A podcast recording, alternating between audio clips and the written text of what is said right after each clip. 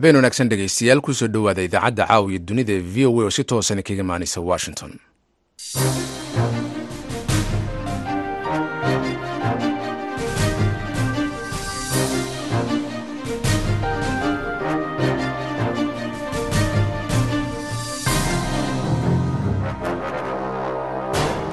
Waa habeen isniina bisha agostna ay ku beegan tahay siddeed labaatan sanadka laba kun saddex labaatan waxaad naga dhegaysanaysaan muwjadaha gaagaaban hirarka efemada geeska afrika caalamkao dhanna waxaad naga dhegaysanaysaan bogga v o a somaali com. Idaacadda caawiya dunida waxaa idinla socoteynaya anigoo ah jamaal axmed cismaan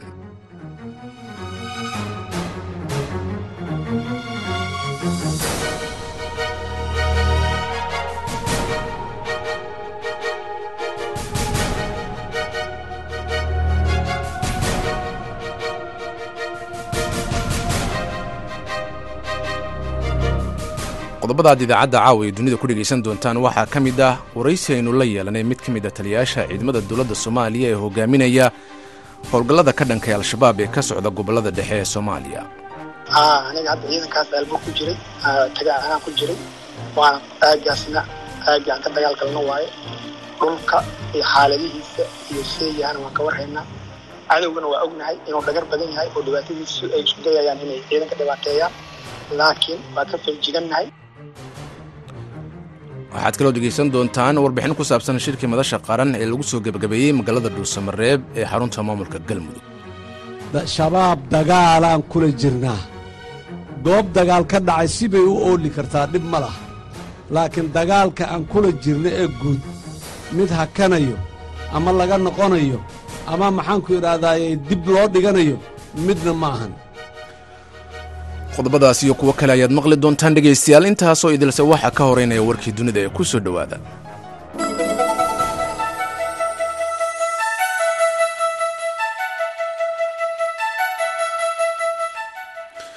Macadda in isniinta maanta uu safiirka faransiiska u fadhiyey dalka niger uu ka tagay waddankaasi ku yaalla galbeedka afrika. Sida ay ku amreen hogaamiyaasha cusub ee waddankaasi. Jimcihii ayay wasaaradda arrimaha dibadda niger u qabatay in safiirkaasi uu haysto siddeed iyo afartan saacadood uu kaga baxo waddanka. Go'aanka kama dambaysta ayaa la saxiixay kadib markii uu diiday selevanite in uu la kulmo madaxdii milatariga ee xilka kaga afgembiyey madaxweynihii sida dimuqraadiga loo soo doortay maxamed bazuum bishii luulyo. Bazuum iyo qoyskiisa ay ciidamadu ku xireen madaxtooyada. Dalka niger ayaa hore waxa u gumaysan jiray faransiiska waxaana faransiiska weli ka jooga dalkaasi kun iyo shan boqol askari oo ka socda waddanka faransiiska waxay ka caawiyeen niger si ay ula dagaalamaan xoogaga jihaadiyiinta.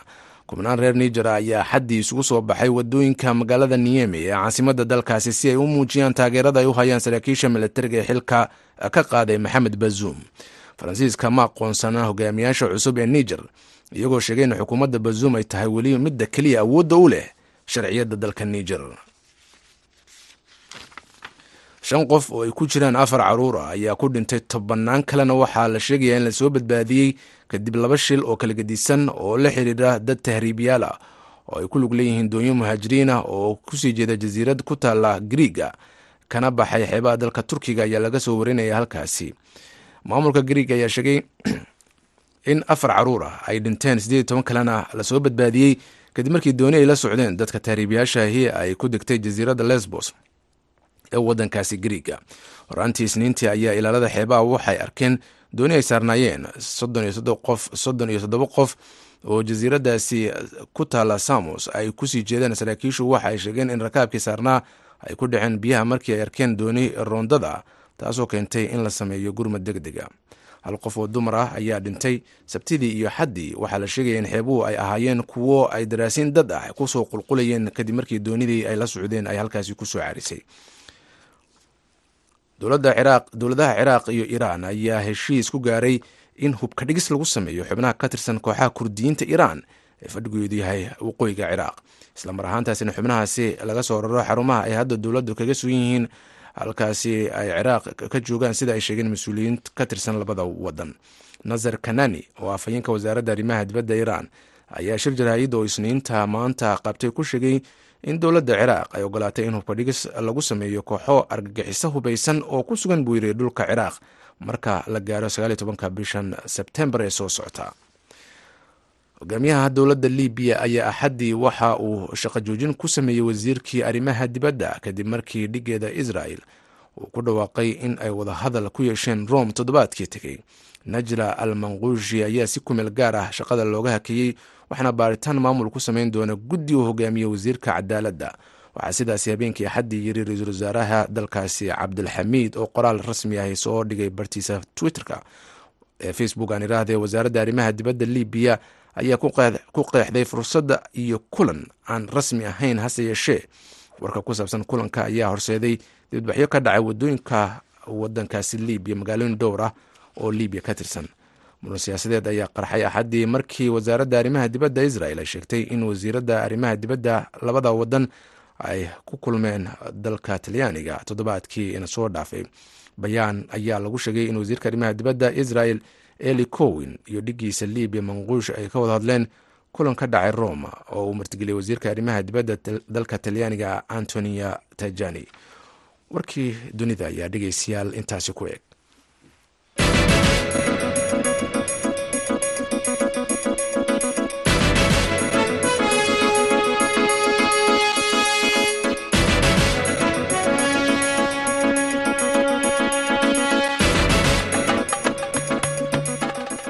habeen wanaagsan dhegeystayaal halkaad warkaasi aad ka dhegeysanaysanna waa v o n gudagalna qodobada kale ee idaacadda caawa iyo dunidaan idinkugu hayo mid ka mid a taliyayaasha ciidamada dowladda soomaaliya ee howlgallada ka dhanka al-shabaab ka wada gobollada dhexe dalka soomaaliya ayaa sheegay in aanay waxba iska bedelin howlgallada militari ee ka socday maamgoleedka galmudug. Inkasta oo uu dib u dhac lagala kulmay weerarkii al-shabaab ku qaaday tuulada coos weyne gaashaanle ismaaciil cabdimaalik oo ah taliyaha guutada lix labaatanaad ee cali ibna abi taalib ayaa khadka telefoonka ugu waramay haaruun macruuf. Haaruun aadaa umahadsan tahay. Xaaladda ceelbuur aaday u degan tahay. Waxaa gacanta ku haya ciidamada xooga dalka soomaaliyeed oo ka kiciyey cadowgii muddo badan dhibaatada ku hayay khawaarijta al-shabaab. Ciidamaduna waxay ka wadaan nadiifin.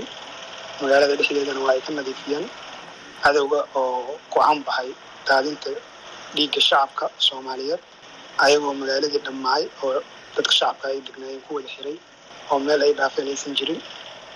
Xataa aysan dhaafin masaajidadii ee isbitaallada ay ku xireen miinooyin oo ciidamada xoogga dalka soomaaliyeed ay ka wada nadiifiyeen hadda. Magaaladuna hadda ay tahay amni ciidamaduna ay ku sugan yihiin. Diyaarna u yihiin inay difaacaan.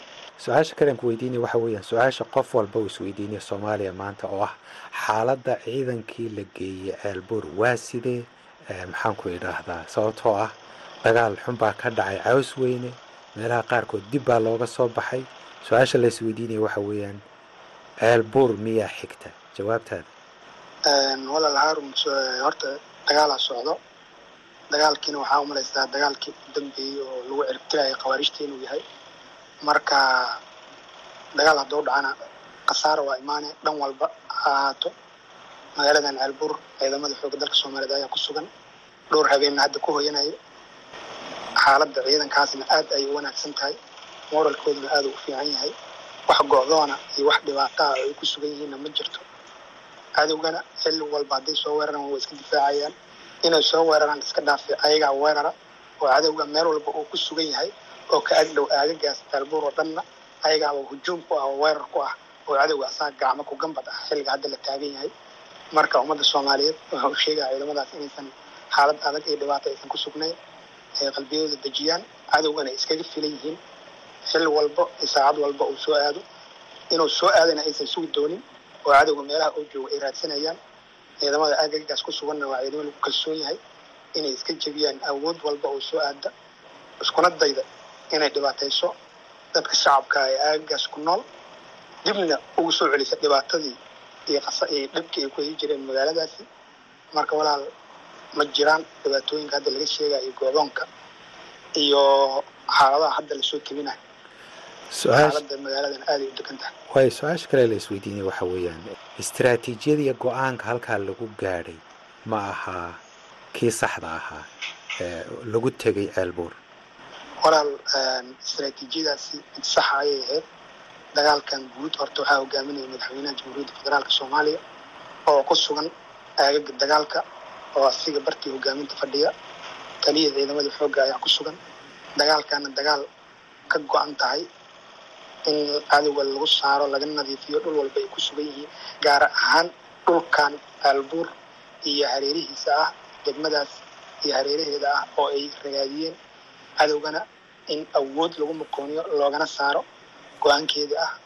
Istaraatiiji ahaanna waa sax maxaa yeelay aalbuur waa ubuucda cadowga marka markaa fiiriso istaraatiiji ahaan magaalada iyo soomaaliya meesha ay uga taallo iyo muhiimadda military ahaan ay leedahay waa sax in magaaladaasi la haysto lana difaacdo cadowgana meel istaraatiijiyadaasna boqolkiiba boqol waa mid saxa marka ciidanku hadda ma isdifaaci karaan ma isku filan yihiin? Ciidankaas walaal waa isku filan yihiin. Difaacba maaha waxaan ka hadlayno ciidankan waa ciidan hujuuma oo weerara wa difaacba ma ahan. Taas waxaa la rabaa horta dadka shacabka iyo ummadda soomaaliyeed inay fahmaan ciidanka aagaas galay ciidan difaaca oo meel fadhiya maaha waa ciidan weerara oo cadowga meel walba uu ku sugan yahay saacad walba geli kara waayo oo ayna ku badbaadaynin. Intaasaa la rabaa in la ogaado oo la fahmo ciidanka odoonsan oo meel ku jiro oo wax u gudbi kara aysan jirin. Warkaasina waa warar been abuura. Ciidankaas waa ciidan dhaqdhaqaaq xoog la sameehaa afarta koono iyo afarta saddex gobollada ku hareeraysanna xilligoo rabo iyo saacadoo rabo tigi kara goob walba oo magaalaha oo cadowgaas oo degan yahana saacad iyo saacad gudaheedna ku tegi kara. Ubucda cadow ma jiraan ciidan meel ku godoonsan adigu ciidankii ceelbuur tegay baad ku jirtay? Haa aniga hadda ciidankaas ceelbuur ku jiray taga anaan ku jiray. Waana aagaasna aagii aan ka dagaal galno waaye dhulka iyo xaaladihiisa iyo seeyahana waan ka warhaynaa cadowgana waa ognahay inuu dhagar badan yahay oo dhibaatadiisu ay isku dayayaan inay ciidanka dhibaateeyaan. Laakiin waa ka feljigannahay inta dhagarood ay maleegayaan kuwa ka waaweyn annagaa u maleegeyn insha allah waana ku dhici doonaan la yidhaha marka taliya ahaan inaad ceelbuur tegto bartamihii al-shabaab inaad tegto laakiin gadaashaada markaad soo fiirso magaalooyinkii kaa dambeeyey la leeyahay hadda qaar bay ciidanku dib uga gurteen. Dabcan kuma faraxsanid sargaal ahaan bay ila tahay walaal magaalooyin hadda gaar si gaara looga gurto ma jirto.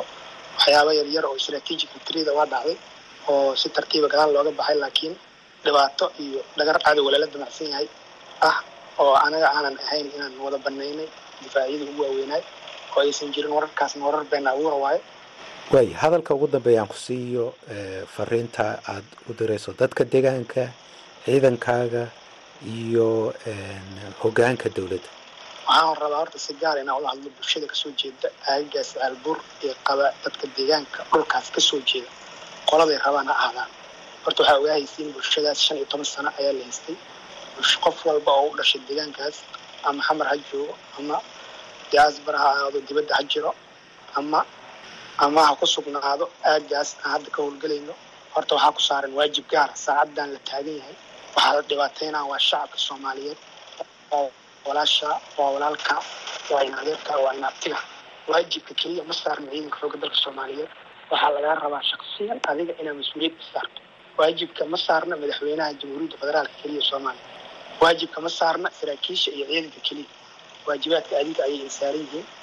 Qofkii samey kara abaabul ciidan qofkii samey kara qof walba inuu is abaabulo ayaa dhulkaas dhul ay nimankaan dhibaateeyeen waayo dadkaasi gurmad deg dega ayay u baahan yihiin gurmadka deg degaa laakiin waxaa ka horreeya dadka deegaankaas ku nool sharafkooda iyo magacooda inay difaacdaan.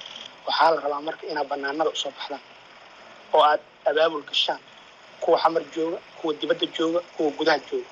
Dagaalka socdo yaa la siyaasadayn qoryihiina qaata qoryaha markaa wadatiin adinkaba waa isku wada jirteen oo qabiil hebela ceel iga dhacay iyo baraag iga dhacaba waa dhihi jirteen damiir xuma yeena ku dhicin deegaanadiina iskuulaad ma laha waxbarasho ma laha gaara caafimaad ma laha adeegyadii bulshada ma laha shan iyo toban sana ay haysteen waxay in ku soo kordhiyeen ma laha waa ujeediin walaalayaalow iska difaaca ciidamada garab siiya awood ciidan annaga ayna hayna. Oo nimankaana inayna ku soo laaban annaga aan ka ballan qaadayna niman yahow iska difaaca cadowga. Ciidankana garabkiisa noqda. Nin walbo meesha joogta joog kaasi waxa uu ahaa gaashaanle ismaaciil cabdimaalik oo ah taliyaha guutada lix labaatanaad ee ciidamada cali ibn abi taalib.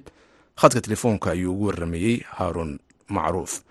Magaalada dhuusamareeb ee xarunta galmudug waxaa lagu soo gebagabeeyey shirka ay lahaayeen madaxda maamul goboleedyada iyo dowladda federaalk ee soomaaliya iyo gobolka banaadir kaas oo lagu arrinsanayey arrimo ay ka midka yihiin dagaalka al-shabaab ka dhana ee ka socda deegaanada galmudug faahfaahinta warbixintan waxaa soo diray wariyaha v o a cabdiwaaxid macali isaaq inkastoo madaxda madasha wadatashiga qaran ee dowlad goboleedyada qaar iyo madaxda dowladda federaalk soomaaliya ay maalmo ku kulansanaayeen magaalada dhuusamareeb islamarkaana ay ka wada hadlayeen xaalada dalka iyo dagaalada ka socda qeybo ka mida gobollada dalka.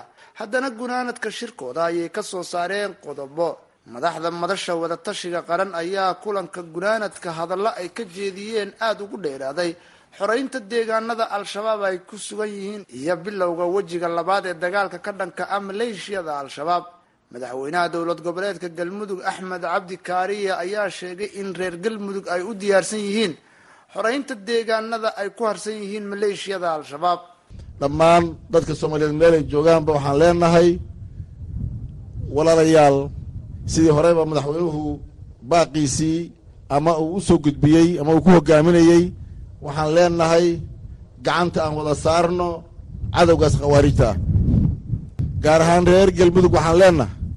Maantay galmudug ay ka xooggan tahay galmudug ay ka socotaa. Inta yaroo dhiman aan dhammaystirno oo aan ciidamada geesiyaasha ee labada heer dowladeed garab galno oo garab istaagno. Waxaan rabnaa inaan dhammaan isugu tagno fadhigan iyo kulankan iyo shirkan ilaahay idinkii inta khawaarijta aan ka sifaynayno inuu meelaha magaalooyinka oo la joogo nugu dambaysaan rabnaa oo dhammaantay aan isugu tagna safafka hore iyo jiidda. Madaxweynaha dowlad goboleedka jubbaland axmed islaan ayaa bulshada reer galmudug ku dhaliilay in kaalintoodii ay weli ka maqan tahay ka qayb qaadashada dagaalka ka dhanka al-shabaab. Waxaa socda dagaal lagula jiro nimankaa khawaarijta. Markaan dhab u hadlayno dagaalku weli inta uu ka dhabta yahay waa wax aada u yar. Waxaan odhan karaa mas'uuliyiinta ma dhaafsisna. Waxaa inugu furan teleefoonno iyo xidhiidho iyo waxaan jirin. Oo aad mooddo inaynan weli xor ka ahayn waxa aan sheegaynan ayna dhab inaga ahayn. Ma haya anigu ammaan badan. Waxaan hayaa dhaliil waayo maanta isma lahayn galmudug waxay qaadanaysaa muddada intaa la eg. Oo dagaalka shabaab lagula jiraayey intuu jiitamu intaa qaadanaya madaxweynuhuna ay ku madaxweynahana ay ku kallifaysaa inuu intaasoo dhan intuu joogo maalin walba dagaal iyo halkaa loo sii taagnaa waxaan lahaa mar hore ayay soo gadoomaysaa oo labada istaydee dhimanna hawshooda la gelaya waayo markaad aragto waxaa la soo bandhigayo ee isugu faantada ah ee qabaa'ilku ay soo dhigayaan ee qolo waliba ay leedahay intaasoo huba intay soo bandhigta diyaar baan nahay. War diyaartu ma meesha bannaanka la taagan yahayba mise dhaqaaq bay u baahanta. Reer galmudug laydinkuma garaabayo. Ciidan intaa leeg baa la keenayaa. Waxaad aragteenna waad soo dhigaysaan. Waa la taagtaagan yahay. Yaa lagaga tegi. Iyo sideen hala yeela maya ma aha anu dadka arrintaa qaba may idinkumana ammaanayo waa dhaliil baad leedihiin. Waxaad soo bandhigaysaan iyo quluubtiinna iyo ismalaha dagaalka qaabkaad u gelaysaan.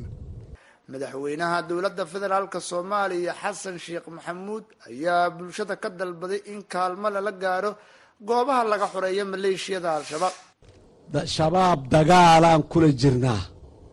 Goob dagaal ka dhacay sibay u ooli kartaa dhib ma lah laakiin dagaalka aan kula jirno ee guud mid hakanayo ama laga noqonayo ama maxaanku idhahdaaye dib loo dhiganayo midna ma ahan. Dowladda soomaaliya iyo shacabka soomaaliyeed meel kastoo ay joogaan waa muujiyeen arrintaas inay dhab ka tahay oo waddadaasi ay haynayaan. Waxaan leeyahay dadka inta wax alla u dhiibay ee waxhaysata ee ganacsatada ah ee hantiilayaasha ah doorkiinni weli waa dhiman yahay. Dadkiinnu dhibaatada ay qabaan ma dadkiinnu dhibaatada ay qabaan maydaan soo arag weli. Deegaanada shan shan iyo toban sano lix iyo toban sano khawaarijtu ay ka talinaysay baahida ka jirta iyo duruufaha ka jiraahi. Dadka ay maanta sugayaan waa dadka inta alla wax u dhiiba wax haysta waaye. Allana waa kula xisaabtamayaa waxaas ay haystaan meeshaas meel ka fiicanood ku bixileed lama jirto. Kulanka madaxda madasha wadatashiga qaran ee dhuusamareeb ku soo idlaaday ayaa imaanaya xilli deegaanada galmudug qaarkood laga saaray maleeshiyada al-shabaab oo muddo ka badan toban iyo shan sano ay ku sugnaayeen. Cabdiwaaxid macalin isxaaq v o a gaalkacyo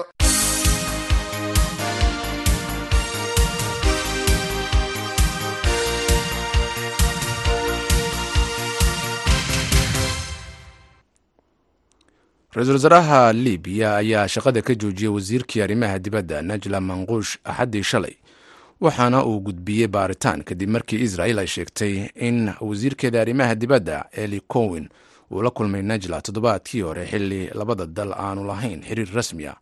Warbixintan waxaa qoray wakaalada wararka ee royters hadal ka soo baxay wasaaradda arrimaha dibadda ee israel oo ku saabsan kulanka ayaa lagu sheegay in wasiiradu ay ka wada hadleen iskaashi suuragala waxaana uu sababay dibadbaxyo yaryar oo libiya ka dhacay taasoo aan aqoonsanayn israel. Wasaaradda arrimaha dibadda ee libiya ayaa sheegtay in manquush ay diiday in kulan ay la yeelatay wakiilo ka socda israel. Waxa dhacayna uu ahaa kulan aan loo sii diyaargaroobin oo iska caadi ah oo dhacay intii lagu guda jiray. Kulan ka dhacay wasaaradda arrimaha dibadda ee dalka talyaaniga. Bayaanka wasaaradda libiya ayaa lagu sheegay in isaragu aanu ku jirin wax wadahadal heshiisyo ama wadatashi toona waxayna intaasi ku dartay wasaaraddu waxay dib u cusboonaysiinaysaa diidmadeeda buuxda ee caadiyeynta xiriirka israel. Tan iyo laba kun iyo labaatankii israel waxay u dhaqaaqday inay caadi ka dhigto xiriirka dalalka imaaraadka carabta baxrayn morocco iyo suudaan iyadoo loo marayo wax loogu yeero heshiiska ibrahim oo uu dhexdhexaadinayay maraykanka waxaan ka wada hadalnay wasiirka arrimaha dibadda wax ku saabsan awoodda weyn ee ay ka dhexli karaan labada dal xiriirkooda ayuu ku yiri wasiirka arrimaha dibadda israel cohen oo war soo saaray kulanka ayaa waxaa fududeeyey wasiirka arrimaha dibadda dalka talyaaniga antonio tijani. Wasaaradda arrimaha dibadda israel ayaa warkeeda intaasi ku dartay iyadoo oo sheegtay inay ka wada hadleen iskaashiga suurtagalka iyo gargaarka israel ee arrimaha bini-aadamnimada beeraha iyo maamulka biyaha. Cowen waxa uu sheegay in manquush ay kala hadleen muhiimadda ay leedahay ilaalinta hidaha dhaxalka yuhuudda ee libiya siyaasadda arrimaha dibadda ee libiya waxaa cakiray sanado badan oo colaadeed iyo kala qaybsanaan daran oo gudaha ka jirtay oo ku aadan maamulka dowladda iyo sharci ahaanshiyaha dhaqdhaqaaq kasta oo uu sameeyo maamulka tripoli. Dowladda midnimada qaran waxaa la dhisay horaantii laba kun iyo labaatan iyo kowdii iyada oo loo marayo hanaan nabadeed oo ay qaramada midoobay taageerto. Laakiin sharcinimadeeda waxaa tan iyo horaantii laba kun iyo labaiyo labaatankii ka hor yimid baarlamaanka fadhigiisu ee bariga kadib isku dayo fashilmay oo doorasho tallaabooyinka siyaasadeed ee hore ee dowladda midnimo qaran oo ay ku jiraan heshiisyo lala galay turkiga ayaa waxaa diiday baarlamaanka taasoo dhalisay caqabado dhinaca sharciga. Golaha madaxtooyada oo u shaqeeya sidii madaxda dowladda ayaa soo saaray bayaan axaddii iyaga oo weydiistay ra'iisul wasaaraha dowladda midnimada qaran cabdilxamiid inuu caddeeyo waxa dhacay.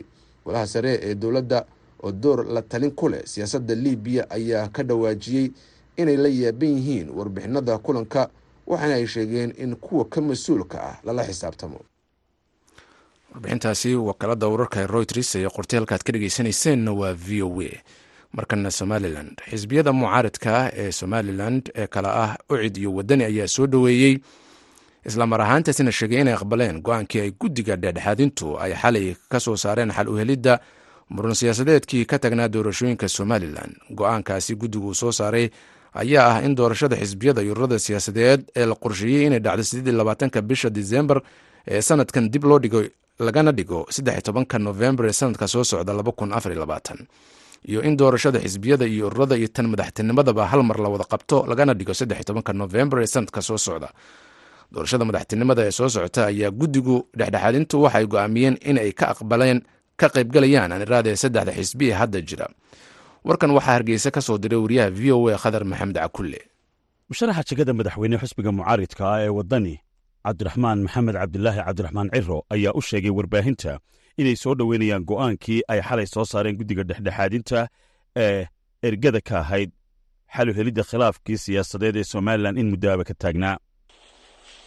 Adigoo tixgelinaya in hoggaanka xisbigu ergada siiyeen kalsooni buuxda oo aan wax shuruuday ku xidhnayn anigoo ku hadlaya magacayga iyo magaca xisbiga waddani dhammaantii waxaan halkan ka caddaynayaa inaannu aqbalnay go'aamadii ay xalay soo saareen ergada dhexdhexaadinta waday ee beelweynta habarjaaro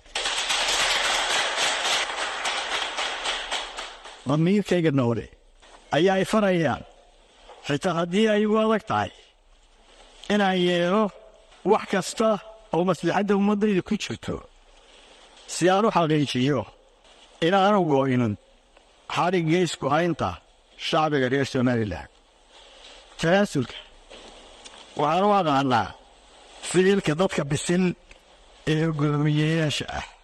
Sidoo kale waxaan u soo jeedinayaa dhammaan cid walba oo khuseeyo go'aanka ergedu inay aqbalaan maadaama ay kalsooni nuuxda bixiyeen geesta kale guddoomiyaha xisbiga mucaaridka u cuni jiray faysal cali waraabe ayaa isaguna warbaahinta la hadlay waxaana uu sheegay in xisbi ahaan ay soo dhoweynayaan isla markaana qaateen go'aamadaasi. Ilaahay macadle subxaana watacaala markoo ilaahay waa maadle waxaan jeclay maanta shacbiga reer somalilan inaan maanta war farxada u sheego.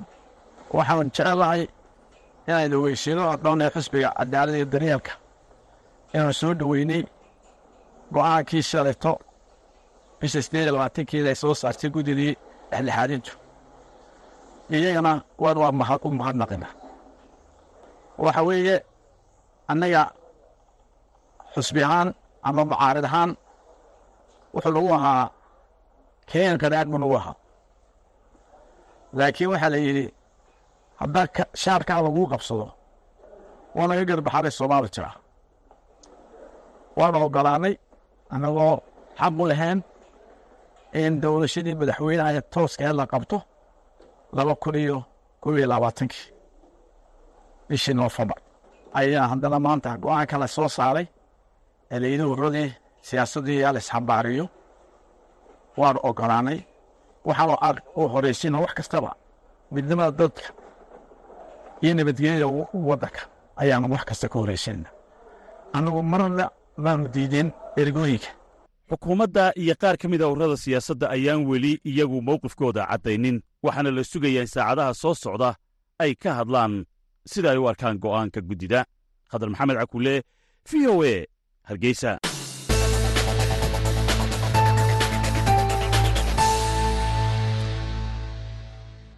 Waa tahay dhegeystayaal qodobo kale ayaa inoo soo socdaa balse aynu ku yaranasanno heestani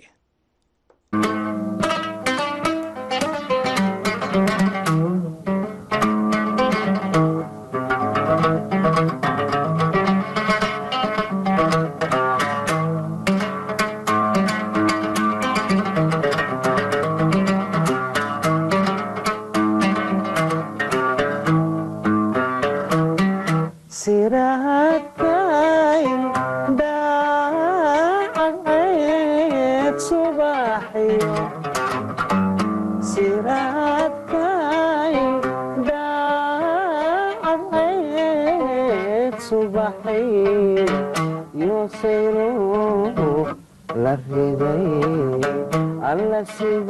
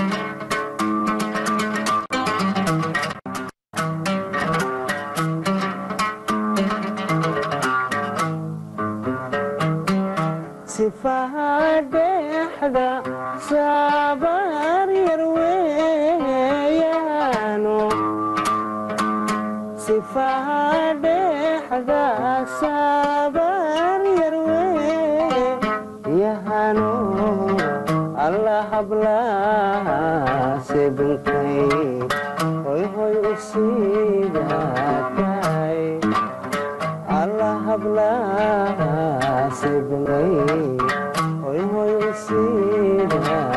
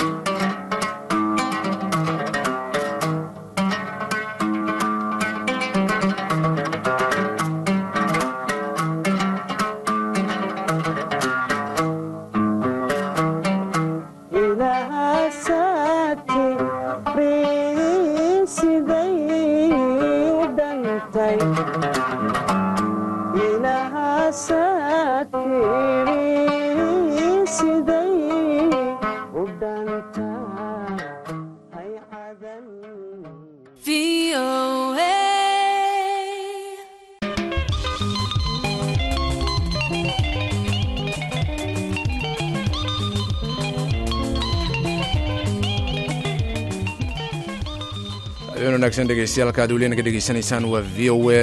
Dhegeystayaal qodobo kale ayaa idin soo socda balse aan idin dulmaro qodobadii wararka ugu waaweynaya caalamka.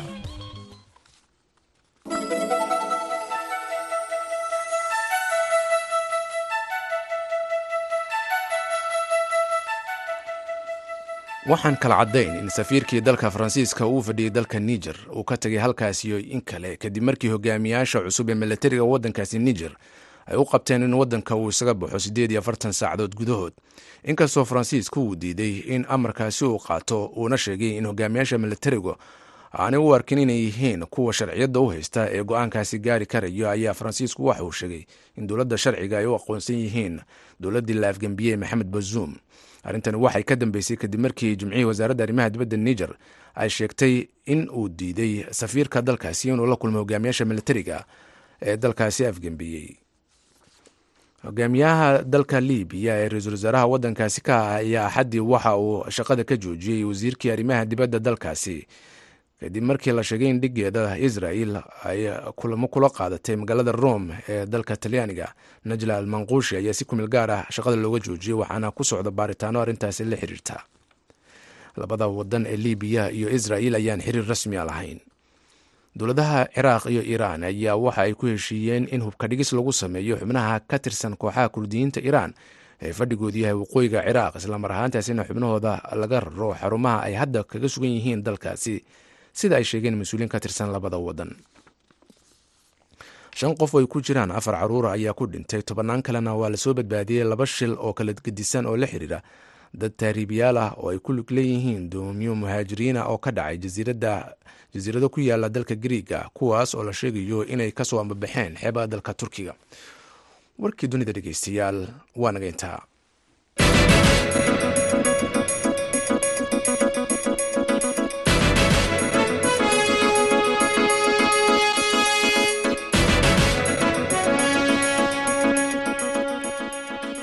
Maanta lixdan sana ayaa waxay u buuxsantay socodkii hogaamiyaashii madowga ahaa ee maraykanka ay ku banaanbaxayeen magaaladan washington agost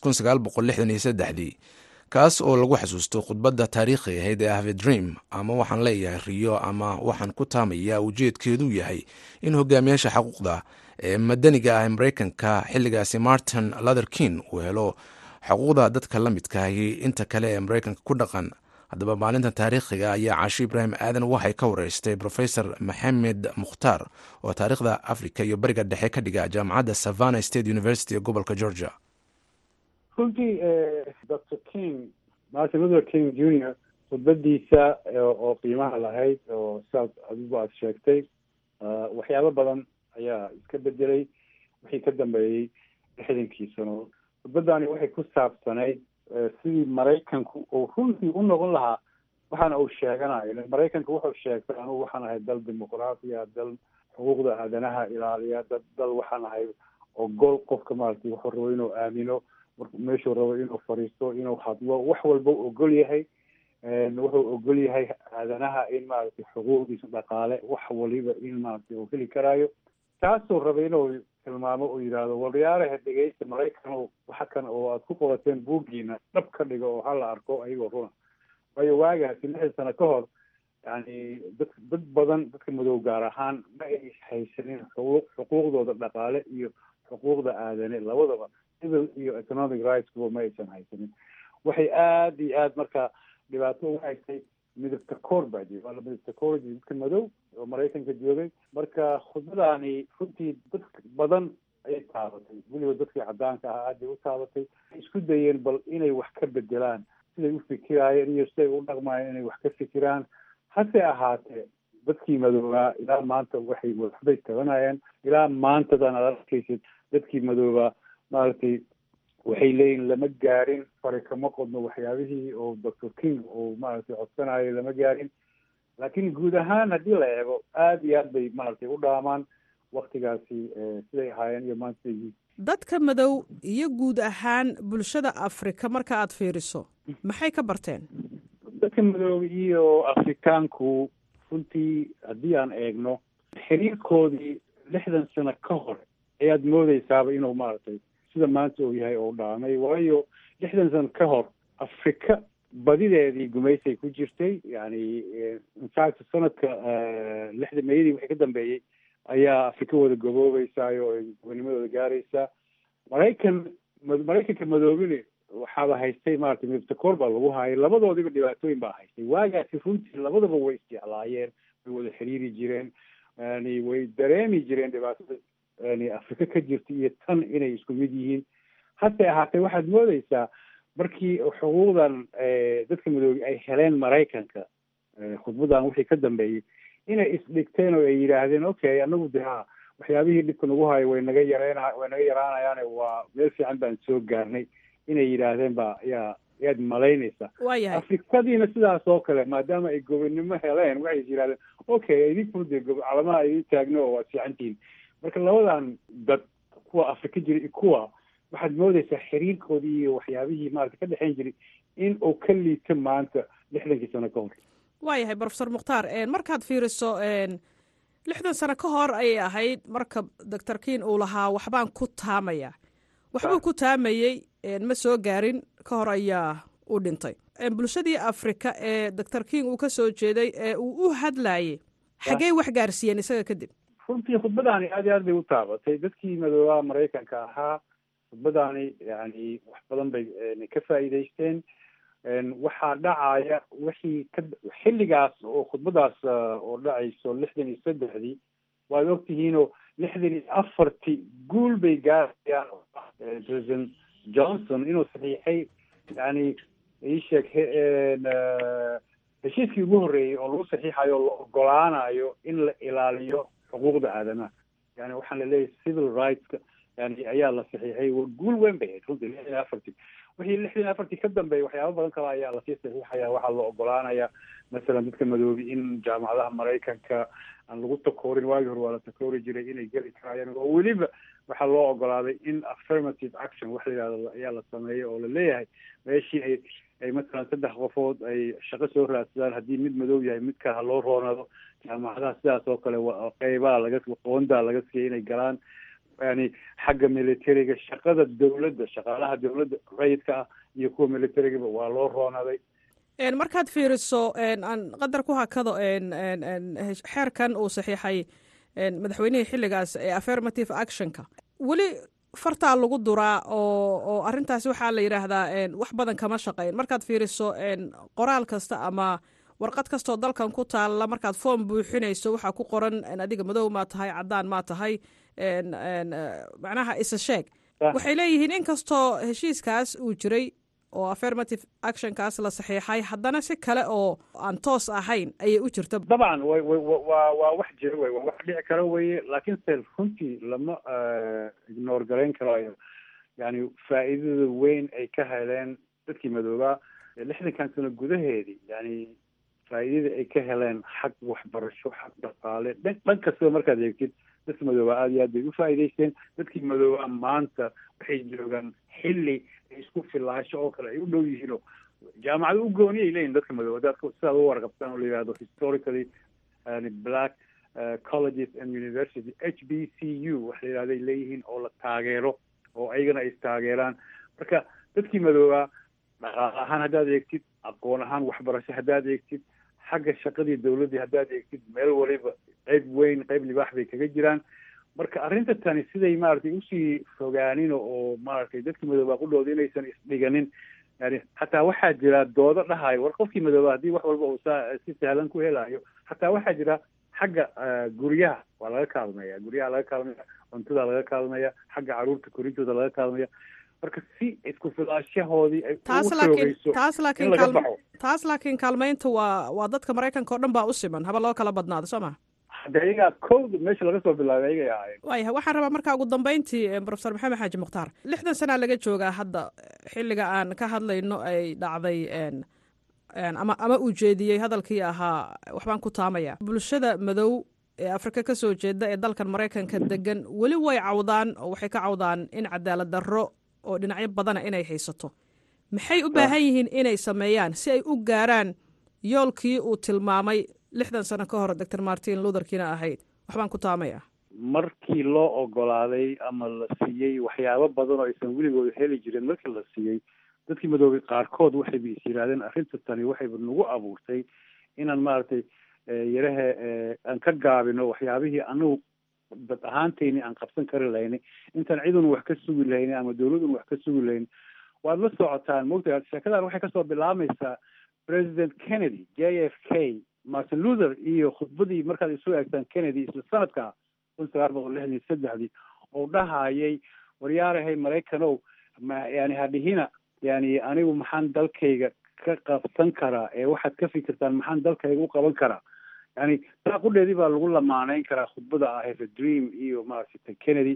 Marka maraykankii madooba waxay leeyihiin hedhe waa mesh arrintii waa ka gaabinay. Yani waxaa loo baahan yahay hadda inaan ka qabsano waxbaan qabsan karaa runtii waxbaan qabsan karaa inaan anaga wax qabsano intan aan maaragtay dawladda iyo maxaan yidhahdaa dhaqaalaha iyo iyo kaalmada oo dawladda aan wax ka sugi lahayn federaalka aan wax qabsano kaasi waxa uu ahaa professor maxamed mukhtaar oo wax ka dhiga jaamacadda savana state university ee gobolka georgia gaar ahaan taariikhda africa iyo bariga dhexe ayuu dhigaa wuxuu u waramayey caashe ibraahim aadan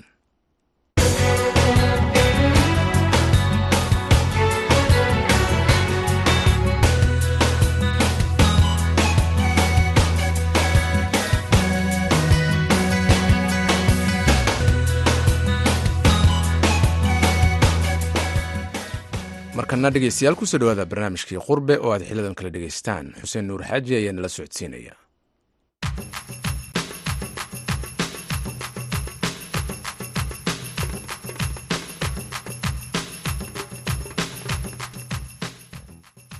Kulanti wacan dhegeystayaal mar kale ku soo dhowaada barnaamijka qurbe oo toddobaadkan aan ku soo qaadanayno shir ku saabsanaa in dhallinyarada laga wacyigeliyo xagjirnimada oo lagu qabtay magaaladan toronto shirka oo ahaa mid sanadle ah oo marba looga hadlo arrimaha quseeya dhallinyarada ayaa toddobaadkii hore lagu soo gebagabeeyey magaalada. Shirka waxaa soo qabanqaabiyey ururka midaynta oo ka dhisan magaaladan waxaana ka qayb galay mas'uuliyiin ka socday dowladda federaalk ah ee soomaaliya kuwa magaaladan toronto iyo dad ka shaqeeya arrimaha bulshada.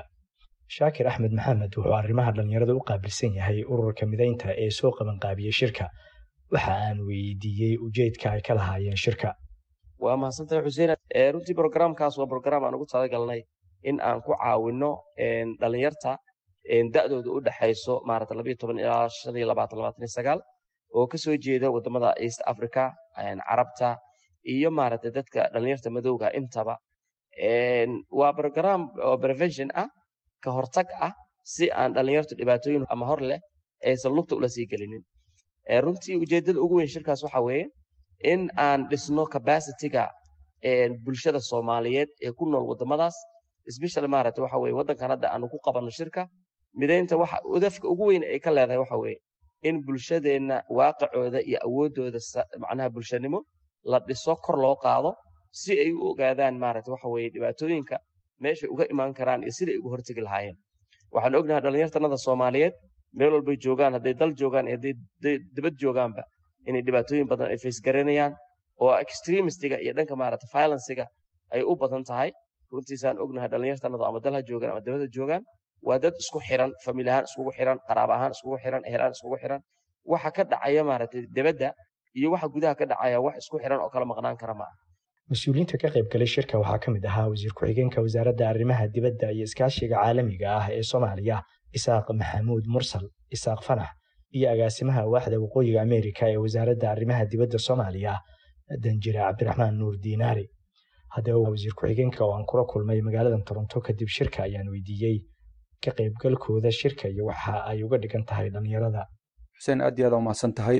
Runtii waxaan rabaa inaan salaamo adiga iyo bahda v o a safarkeena canada ama gaar ahaan magaalada toronto. Waxaan casuumaad rasmi ka helnay mideynta community services oo dalka canada runtii ka shaqayso awood weynna ku leh ujeedka ugu muhiimsan uu ahaa inaan ka soo qiib galno shir sanadeed oo runtii ujeedkiisu ahaa in la dhiso awoodda bulshada rayidka ah gaar ahaan dhalinyarada si ay ugu jawaabaan arrimaha xagjirnimada. Shirkan wuxuu ahaa shirkii shanaad mideynta community service ay qabato oo noocyo kala duwan ama wacyigelinta la sameynaya ajendiyo kala duwan looga hadlay. Waxaa jirto runtii in dalka dhalinyaradii joogtay ay burburkii kadib ay gaarkood shaqo la'aan iyo dhibaato markay la kulmeen ay nimankii khawaariijka ahay oo oo runtii nabadiidka ahay ay qaarkood qaldeen oo oo ay ku biireen nabadiidka ku biireen iyadoo runtii dowladda soomaaliya ay shaqo badan ka qabatay. Laakiin still haddana waxaa jirto in eh, dadka dibadaha ah, ku dhashay ku barbaaray wax ku bartay qaarkood. Oo ma tiro aad u yar weliba ay runtii ay ku biireen nimanka kale oo ah sida isis oo kale.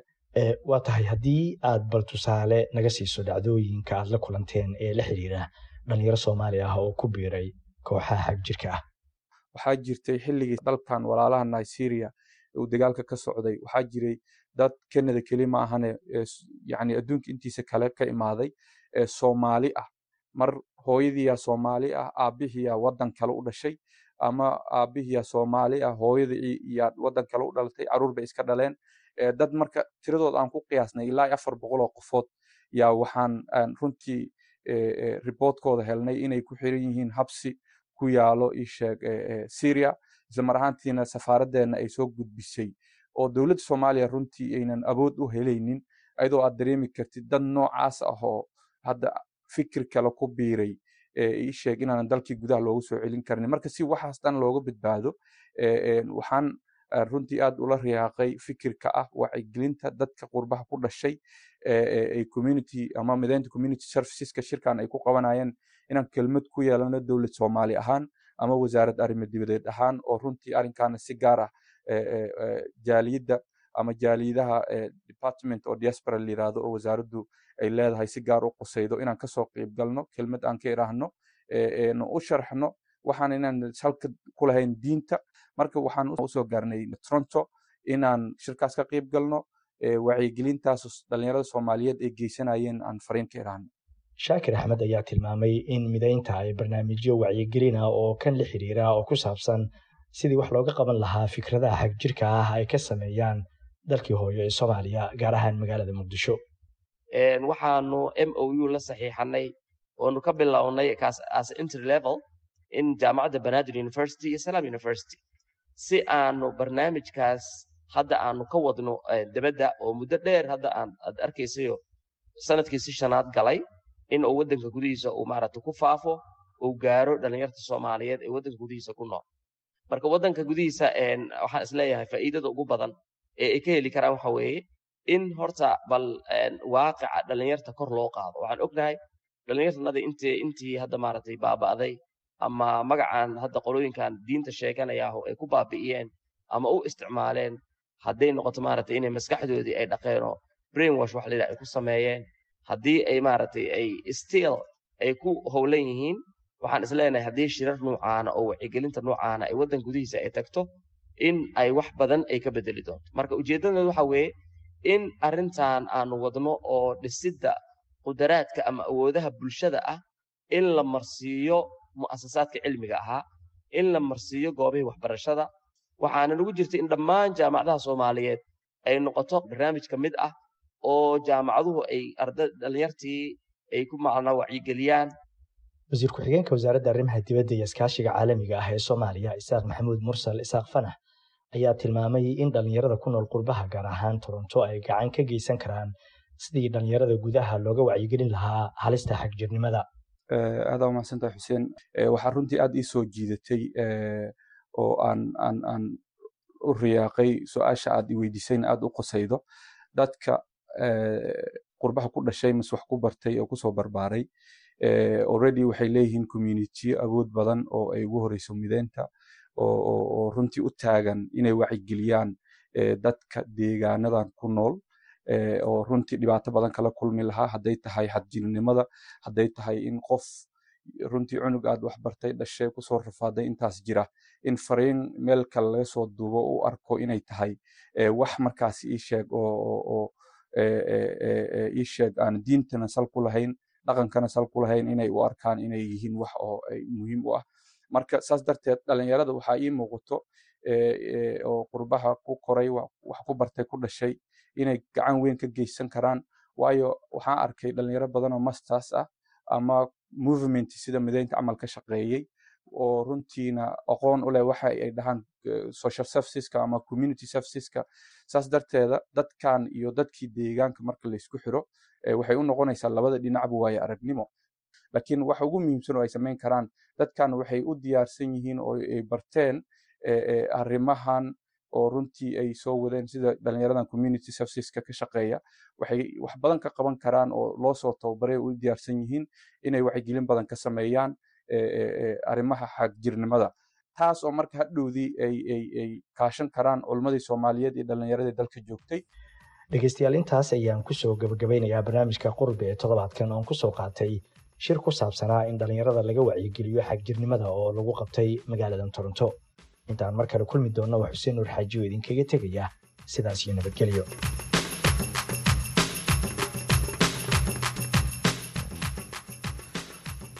xuseen nuur xaaji aad buu mahadsan dhegeystayaal halkaad ka dhegeysanayseena waa v o a.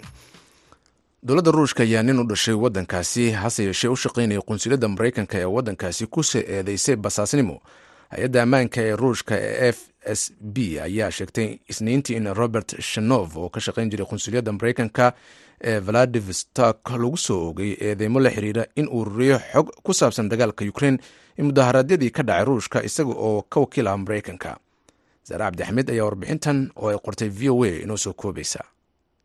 Bayaankan ay soo saartay hay'adda amniga qaranka dalka ruushka ee magaceeda loo soo gaabiyo f s b ayaa lagu sheegay in robert shanof uu ururiyey macluumaad dib ugu laabanaya ilaa iyo bishii sebtembar sannadkii labadii kun iyo labaiyo labaatankii oo ay ku jirto ololaha qorista milatariga ee ruushka bishii meyna waaxda arrimaha dibadda ee maraykanka ayaa cambaaraysay xarigga la sheegay shanof iyada oo sheegtay in eedeymahaasi asaga ka dhana dhammaantoodba ay yihiin kuwo aanan mudnayn amaba aan ku salaysnayn xaqiiqada. Afhayeen u hadlay wasaaradda arrimaha dibadda matthew miller ayaa bayaan uu soo saaray wuxuu ku sheegay in shanof uu ka shaqaynaya qunsuliyadda in ka badan shan iyo labaatan sano ka hor inta uusan ka shaqaynin hay'ado dibadda ah oo bixiya adeegyada safaaradda maraykanka ee moscow doorka keliya ee master shanof markii la xirayay waxay ahayd in uu ururiyey warbixinada warbaahinta oo kookooban oo ka yimid ila wareedyo ruushka ah oo si cad loo heli karo miller ayaa sidaas yiri waxaa kaleeto uu sheegay waxaa lagu bartilmaameedsada ayuu yiri qaanuunka iskaashiga qarsoodiga ah wuxuuna muujinayaa isticmaalka qaawan ee ruushka ee sharciyada awoodda leh ee sii kordhaysa ee caburinta ah ee ka dhanka ah muwaadiniintooda. Sidaas ayaa lagu yiri bayaanka miller milatariga ukrein ayaa sidoo kaleeta sheegay isniinta maantita weeraro gantaallo ah oo ruushka uu qaaday. Habeen hore halka ruushkana uu sheegay in ukrein ay adeegsatay dhowr diyaaradood oo aan duuliyaha lahayn oo beegsaday dalka ruushka milatariga ukrein ayaa isniinta shalayta ah waxa ay sheegeen in weeraro gantaallo ah oo ruushka uu soo qaaday habeen hore halka ruushkana uu sheegay in ukrein ay adeegsatay dhowr diyaaradood oo aan duuliyo lahayn si ay u beegsato dhulka ruushka. Shaqaalaha guud ee milatariga ukrein ayaa sheegay in difaaca cirka ay burburiyeen laba gantaal oo nooca kruuska ah ee ruushka ah iyo laba gantaal oo kuwa waxhaga ah balse goob warshadeed oo rayid ah ayaa lagu garaacay gobolka la yidhaahdo boltava madaxa shaqaalaha madaxtooyada ukrein andref yermark ayaa u sheegay isaga oo telegaraamka kula hadlaya madaxda in weerarka boltava lagu dilay laba qof oo ku sugnaa warshada saliidda iyo qudaarta. Dimitro lenin oo ah guddoomiyaha gobolkaasi ayaa sheegay in laba qof oo kaleeto loo qaaday isbitaalka kuwaasi oo dhaawacyo fudfudud qaba wasiir ku-xigeenka difaaca ukrein hana malyer ayaa isniinta waxa ay sheegtay shalayta ah in ciidamada ukrein ay xoreeyeen magaalada robertne deegaankaasi ayaa waxaa ka dhacay dagaal ka dhacay warshada ugu weyn yurub iyadoo sidoo kaleetana ukrein ay dagaal kula jirto sidii ay u soo ceshan lahayd dhulkeeda ay weerarada rogaal celiska ah ku soo qaadeen ruushka. Wasaaradda difaaca ee ruushka ayaa sheegtay isniintii shalayto ahayd inay soo riday diyaarad aan duuliyo lahayn oo laga leeyahay dalka ukrein gobolka la yiraahdo leobertis ee koonfur bari kaga beegan magaalada moscow si lamida sidaasi weerarada kaleeto ee dhowaan diyaaradaha aan duuliyaha lahayn ee ka dhacay meel u dhow caasimada ruushka ayaa la warinaya ayaguna waxaana si ku meel gaar ah loo hakiyey howlihii duulimaadka ee garoonka diyaaradaha ee goboladaasi ruushka ayaa sidoo kaleeto sheegay inay burburiyeen laba diyaaradood oo laga leeyahay dalka ukrein oo maraya gobolka barnisk la yiraahdo oo xuduudda la leh dhinaca ruushka ee ukrein warbixintii ay qortay v o a waxay nala socodsiinaysay zaare cabdixmed halkaad ka dhegeysanayseena waa v o a. Markana dhegeystayaal dhinacii heesaha aynu ku yaro nasanno Música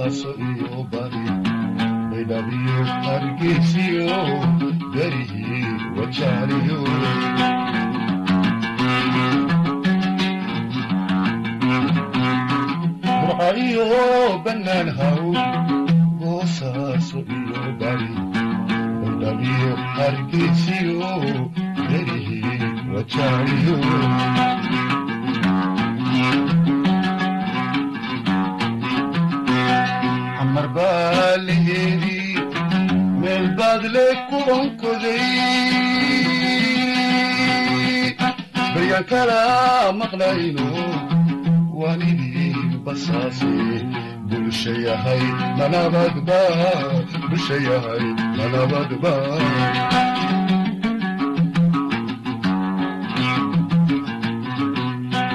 baryaan kala maqlayno waanidii basaase bulsha yahay manabadba bulsha yahay manabadba dadku